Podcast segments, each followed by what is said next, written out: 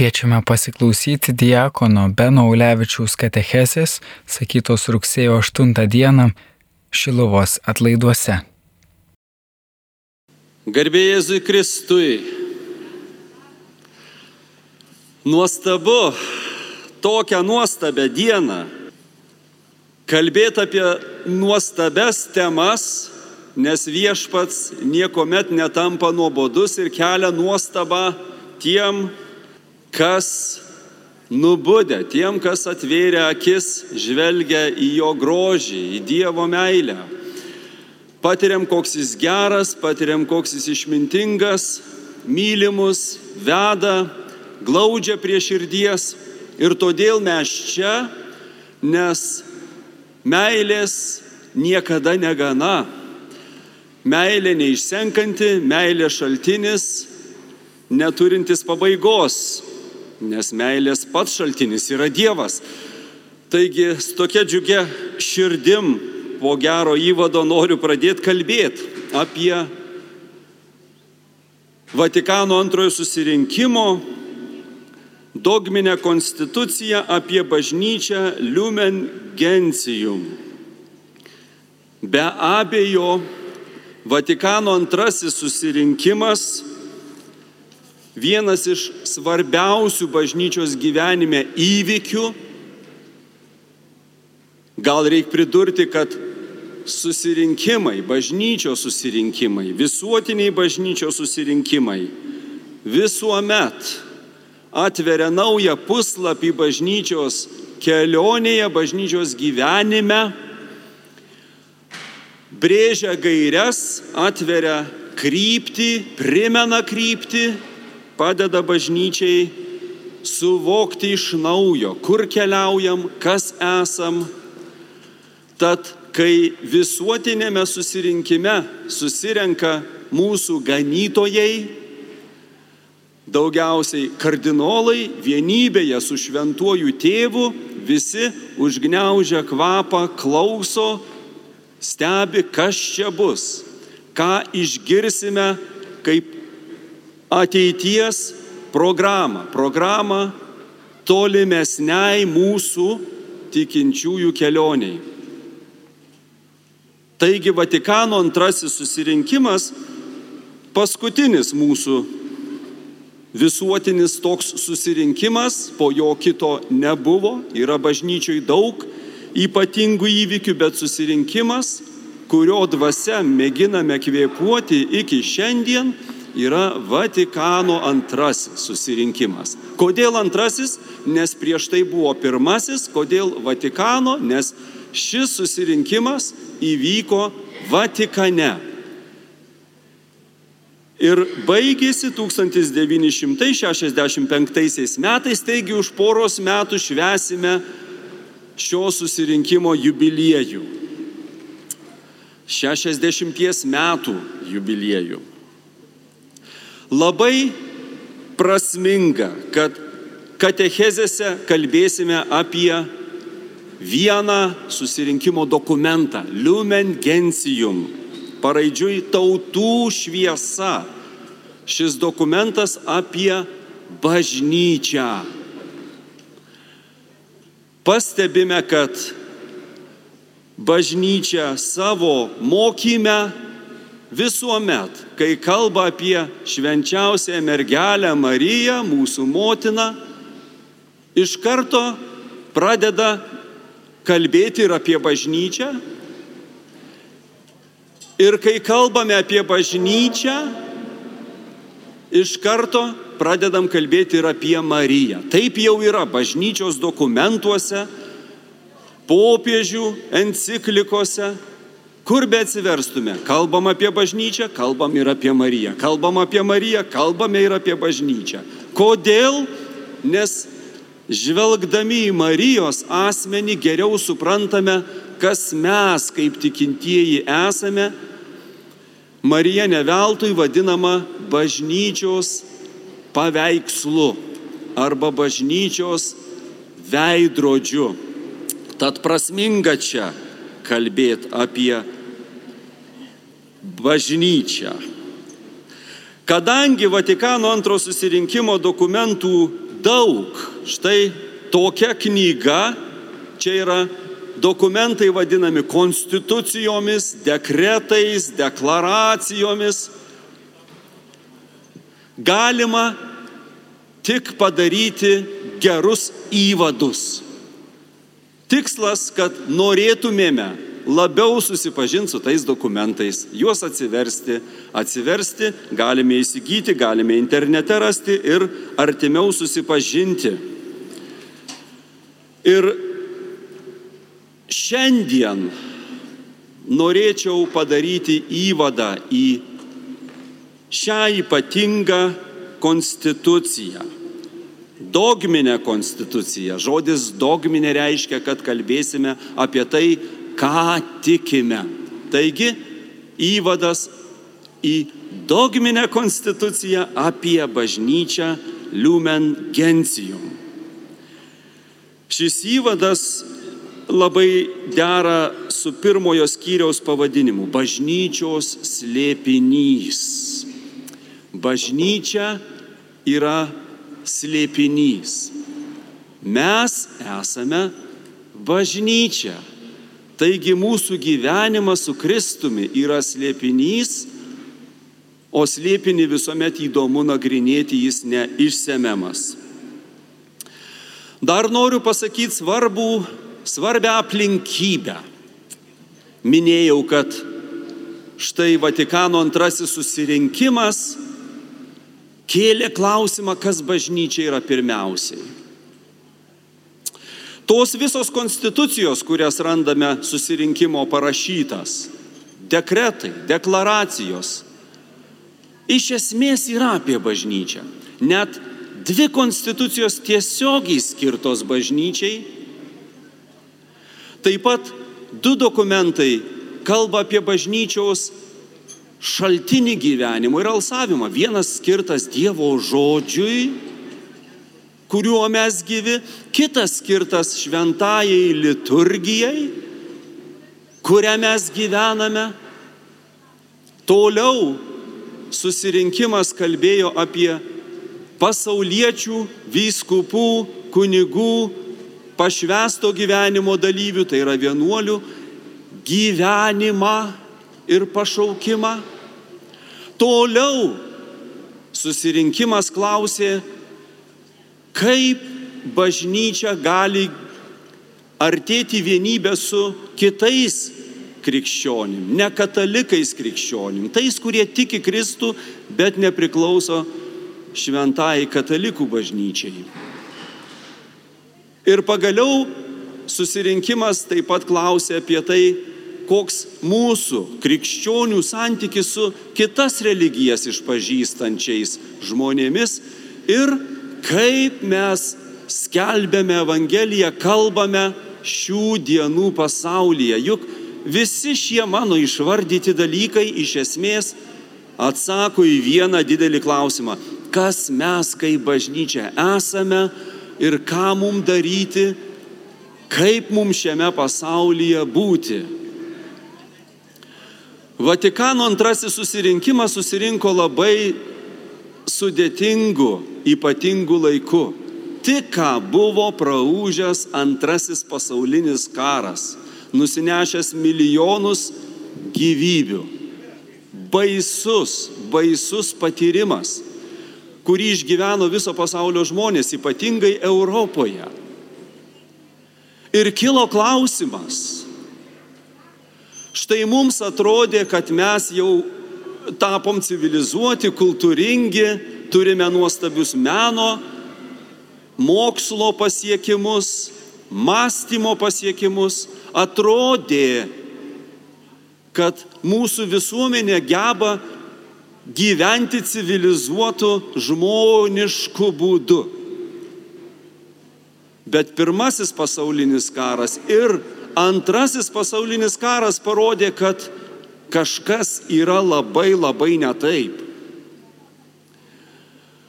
Matot, kai mes mėginame be Dievo rasti vienybės pagrindą, juk mūsų milijardai žmonių šiame pasaulyje, kaip sugyventi tokiems skirtingiam, kaip gyventi kartu, kas galėtų mums duoti vienybės pamatą, be Dievo mes galim rasti, pavyzdžiui, norą geriau gyventi. Taip, noras geriau gyventi vienyje žmonės. Tačiau jei kažko pradeda trūkti, o kitas turi daugiau, artėjom prie tragedijos. Antrasis pasaulinis karas parodė, kad tauta kaip tokia negali būti vieninteliu žmonijos sugyvenimo pamatu. Nes nacijos idėja atvesta į kraštutinumą sukelia karus, sukelia neapykantą. Žmonija po tų baisių žudinių, po tų baisių netekčių, sugriautų miestų ir gyvenimų buvo praradus žadą. Praradus viltį, viziją. Ir mes krikščionys žinom, kad tokie laikai yra laikas mums ateiti su alternatyva, su tuo keliu, kuris yra aukščiau už žemiškus samokslus - Kristaus meilės ir gyvybės evangeliją. Amžinojo gyvenimo, kuris jaučia gaivinamus kelias. Ir vis dėlto atrodė, kad bažnyčia taip pat turėtų naujai save atrasti, nes antrasis pasaulinis karas Daug jame dalyvavusių buvo žmonės, kurie lankėsi bažnyčiose, kurie kalbėjo maldas. Ir Vatikano antram susirinkime bažnyčia klausė, mūsų ganytojai susirinkę klausė, ką mes dar pražiūrėjome, ką dar mes, ko mes dar nesame pilnai įgyvendinę iš tos Kristaus Evangelijos. Taigi, naujai suvokti bažnyčios pašaukimą, naujai suprasti, ką bažnyčia gali duoti pasauliui. Alternatyva kitoms vienybės sampratoms. Kas vienyje mus kaip žmonės. Ir popiežius Benediktas XVI prieš tai, dar kai tapo popiežium, kai dar buvo teologas, rašė apie tai ir sakė, susirinkimo tėvai Vatikano antrajam susirinkime norėjo parodyti bažnyčią kaip bendrystę, komuniją. Mes turime tą ypatingą žodį komunija. Tai reiškia bendrinimasis, bendras gyvenimas. Anglų kalboje turime tą žodį community, communal, komunalinės paslaugos. Turim žodžių ir lietuvių kalboje tarptautinių žodžių. Žinome, jie visi kalba apie bendrinimą. Taigi bažnyčia yra bendrystė. Ir ta bendrystė plaukia iš Dievo. Atrodo paprastas teiginys iš to, kas Dievas yra. Dievas yra meilė.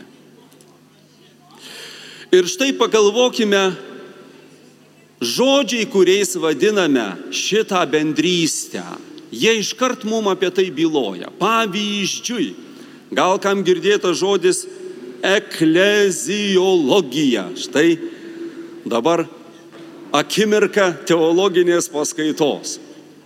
Vatikano antrojo susirinkimo vizija apie bažnyčią vadinama bendrystės ekleziologija. Kodėl toks keistas žodis? Eklezinis, ekleziologija. Šis žodis mes jį randame Naujajame testamente, apaštalų raštuose. Tai graikų kalbos žodis, juk anuometiniai Romos imperijoje žmonės kalbėjo graikiškai, Jėzaus apaštalai rašė graikų kalbą, anuometiniam žmonėm suprantama kalba ir bažnyčią vadino eklesija. Lietuviškai galėtumėm sakyti eklezija. Paraidžiui ek kalein. Pašauktieji, pašauktieji leistis į kelionę ir būti kelionės bendrininkais. Kompanionas, kom kartu, panis duona, bendra duoniais, bendra šeimiais. Taigi žodis eklezija iš karto rodo byloja mums apie bendrystę. Esam sukviesti, suburti prie Kristaus. Ir daugelis patyrę Dievo prisilietimą ir patekę bažnyčion byloja, taip, jaučiau ilgesį, jaučiau alkį širdyje, jaučiausi, kad esu kviečiamas į kelionę, kviečiamas į kažką daugiau nei vien tik būtiniai žemės reikalai, pirkt, parduot, pirkt, parduot. Ir kai atsiliepiau į tą pašaukimą, atėjau į vietą, kur radau kitus taip pat pašauktus. Ir su jais mes esame tos pačios Dievo kvietimo patirties žmonės, suvienyti to paties ilgesio, tos pačios meilės ir troškimo. Kitas žodis, kurį randame paštalų raštuose, yra bažnyčia vadinama Kyrijake, Kyrijos viešpats. Iš to kyla, gal girdėjote, amerikonai sako church, vokiečiai sako kirche. Abu šitie žodžiai reiškia Kyrijos, Kyrijos viešpats, viešpaties. Taigi, bažnyčia yra žmonės, kurių bendrasis vardiklis, bendra, bendras pamatas yra ne vien tai, kad esam biologinės būtybės, valgančios, mėginančios pasistatyti kažkokį būstą ir taikiai sugyventi, bet mes esam žmonės, kuriuose gyvena tas pats vienas viešpats, to paties vieno viešpaties Kristaus prisikelimo galybė, Kristaus dvasia. Ir Kristaus Euharistija mūsų venomis ir siela cirkuliuoja, mes esam sujungti viešpaties. Mes vadiname bažnyčią bažnyčia. Be abejo, tai nėra lietuvių kilmės žodis, bet vadinamas slavizmas. Jis tiek turi gilės istorinės šaknis, kad mes jį pamilome ir naudojame toliau. Bet bažnyčia kyla iš žodžio bogų, būgų, dievas. Taigi Dievo tai, kas Dievo, tai, kas patraukta Dievo, tai, kas pripildyta Dievu, Dievo gyvastimi. Visais šitais atvejais mes kalbam apie šeimininę bendruomenę. Bažnyčia yra žmonės, kurie tos pačios rušies, tos pačios prigimties. Kaip štai konstitucija apie bažnyčią ir sako, ji labai gražiai pradedama. Po įvado iš karto seka štai toks teiginys. Įsivaizduokime, prieš 60 metų mūsų ganytojai su šventuoju tėvu susirinkę svarsto, ką pasakyti pasauliui, koks turėtų būti pirmasis sakinys toje dokumentų sekoje, kurį išgirsime. Ir štai tas sakinys yra toks. Amžinasis tėvas laisvu ir paslaptingu savo išminties ir gerumo sprendimu sukūrė pasaulį ir nutarė, ką nutarė, ką Dievas nutarė. Toj bus pasakyta šis tas apie tave ir mane, apie mus. Jis nutarė išaukštinti žmonės. Na, tas aukštumas perkelti į aukštesnį gyvenimo laipsnį lygį. Taigi, tiesiu, nutarė išaukštinti žmonės, kokiu būdu, kokiu būdu. Išaukštinti, padaryti panašius į patį aukštybėse esantį, aukštybių viešpatį. Kaip tą padaryti?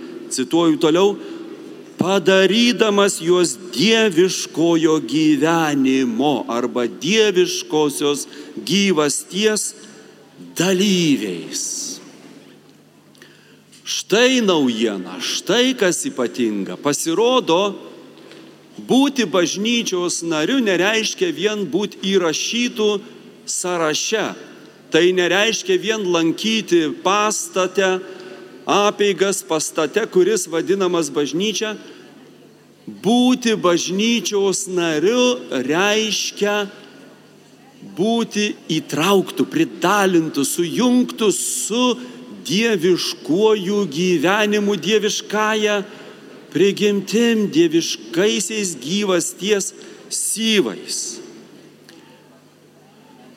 Ta nesunku palyginti su labai paprastais mūsų gyvenimo pavyzdžiais.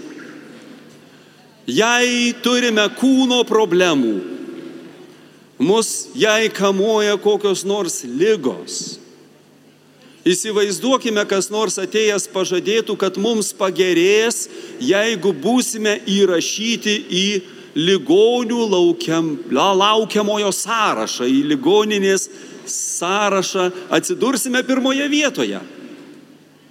Ir tiek? Ar tuo kažką pakeisime? Be abejo ne.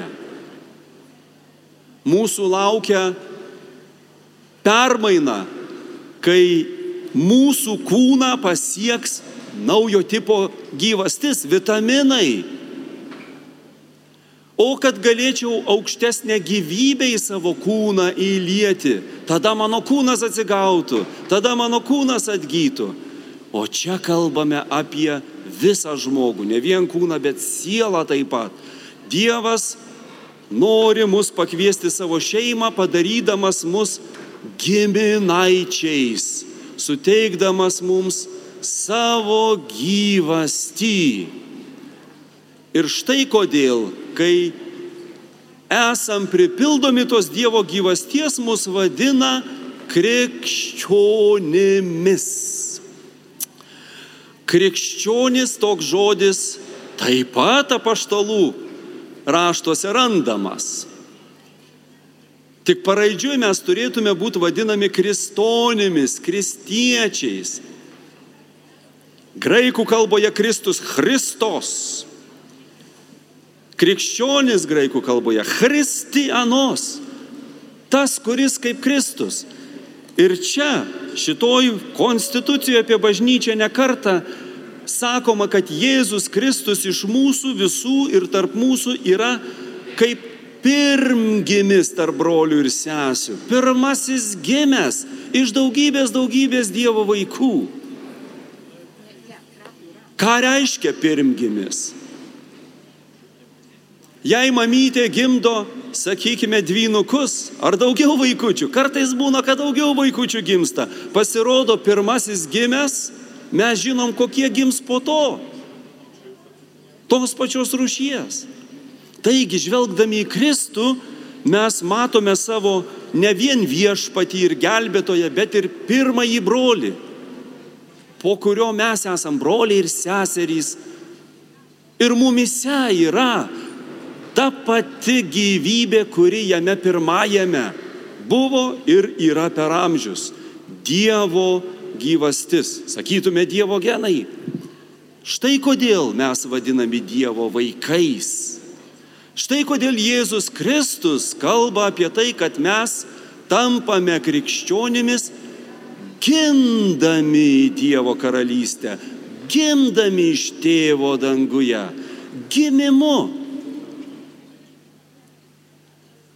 Gali gauti būri tarnų, juos įdarbindamas, bet tik gimimu gauni būri vaikų Ir Jėzus sakė, nebūkite vien Dievo tarnai, nors gera būti Dievo tarnu, be abejo, bet nelikite vien Dievo tarnais, bet tapkite draugais ir tapkite Dievo vaikais.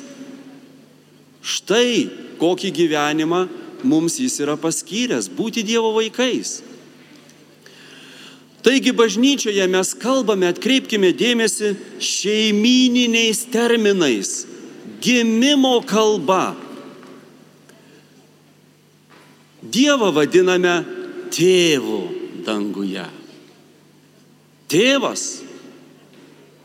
Savo tėtį vadiname tėvu. Todėl, kad esam jo vaikais. Vaikai. Dievą vadiname tėvu. Bažnyčią vadiname ne kokią nors korporaciją, susivienijimu ar partiją, bažnyčią vadiname motina bažnyčia, nes iš jos iščių esame gimę iš tų krikšto vandenų. Bažnyčios veidrodį, pirmąją bažnyčios žvaigždę, Mariją vadiname mama, nes esam šeimoje. Taip, Marija yra ir karalienė, Marija yra ir viešpatės tarnaitė, bet ji, kadangi mūsų viešpatės mama, ji yra mama. Kaip gera tarti tėti, mama, tėvė danguje. Vienas kitą vadiname broliais ir sesėm. Šeima. Ne darbuotojais, ne kokiais nors ten partijos nariais, bet broliais ir sesėm. Kunigus vadiname tėvais kunigais, ganytojus vadiname tėvais, vienuolės ir vienuolius broliais ir sesėm, mums patinka kalbėti šeimos kalba, nes mes suvokiam, kur atsidūrėme, atsidūrėme šeimoje. Šventieji, tie tikėjimo didvyriai yra mūsų giminaičiai. Mes žvelgiame į juos susižavėję, gniaužia kvapą nuo jų žygdarbių, tačiau esame šeimoje, šventųjų apsuptyje, tarp tėčio, mamos ir vaikų, džiaugiamės šitą bendrystę. Taigi, brangieji, su šitom įvadinėm mintim melskimės toliau šią šeimininę dvasę pripildyti Jėzus Kristus kalbėdamas apie mus kalbėjo apie dalykus, kurie labai maži, bet auga. Ta Dievo giminystė mumise kaip garstyčios grūdelis. Jį reikia laistyti, jam reikia geros dirvos, jis turi skleistis ir kol jis dar neįsiskleidė, tai bus labai nebrandus Dievo vaiko pavydalas, į kurį kiti žmonės žvelgdami galbūt sakys, tu krikštytas, tu tikintysis, kaip čia yra, kad tu vis dar nešventas? Na, aš nešventas, nes dar nebrandus Dievo vaikas. Jėzus kalbėjo apie raugą. Ir augas yra toks mažytis dalykas, kas dar žinote, kurį įdeda į tešlą ir tą tešlą jis palaipsniui įraugina visą, bet pradžioj jo mažai ir tešla vis dar neiškilusi. Taip manyje ir tavyje yra Dievo dovana, Dievo gyvastis, kaip tas raugas. Ir mano užduotis įvertinti savo kelionę ir duoti šitai dvasiai, šitam Kristui manyje vietos, leistis iškildinamam, leistis įrauginamam. Ir kad pradėjom kalbėti apie duoną, ar ne todėl Jėzus Kristus, kuris lieka su mumis amžinai, iki pasaulio pabaigos davė mums duoną, kurią nuolat ateina į mūsų kūną. Tai neįsivaizduojamas dalykas. Kūnas į kūną, kraujas į kraują. Įrauginti mūsų žmogystę, kad mes būtumėm ne vien žmonių vaikai, bet taip pat ir kuo brandesni dangiškojo tėvo vaikai. Ir šiandien gal pažvelgęs kažkas mato, kad mes labai nebrandus. Mums trūksta šventumo, mums trūksta Dievo gyvenimo, bet mes todėl čia, kad Jis mumise auktų. Euharistija, komunija, kad mumise tą bendrystę augintų. Kad amžinybėje mes įgytumėm tą tapatybę, spindėtumėm kaip saulė danguje, kaip Jėzus sakė apie mus tėvo vaikai su subrendusią giminystę, panašus į Kristų,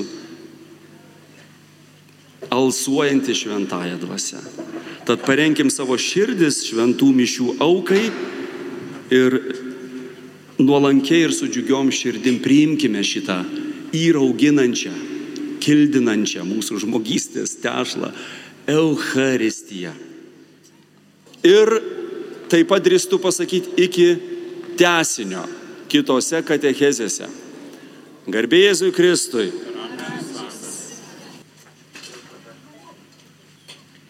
Dėkojam diakonui Benui Ulevičiui už katechezę, visą šitą atlaidų oktavą, kiekvieną, ne, kiekvieną Eucharistinę auką 12 ir 18 val. lydės šitomis dienomis diakono Beno, o paskui kunigo Arnoldo Valkausko katechezės apie pirmąjį bažnyčios dokumentą Lumen Gentium - tautų šviesa apie bažnyčią, apie tai, kaip bažnyčia save supranta.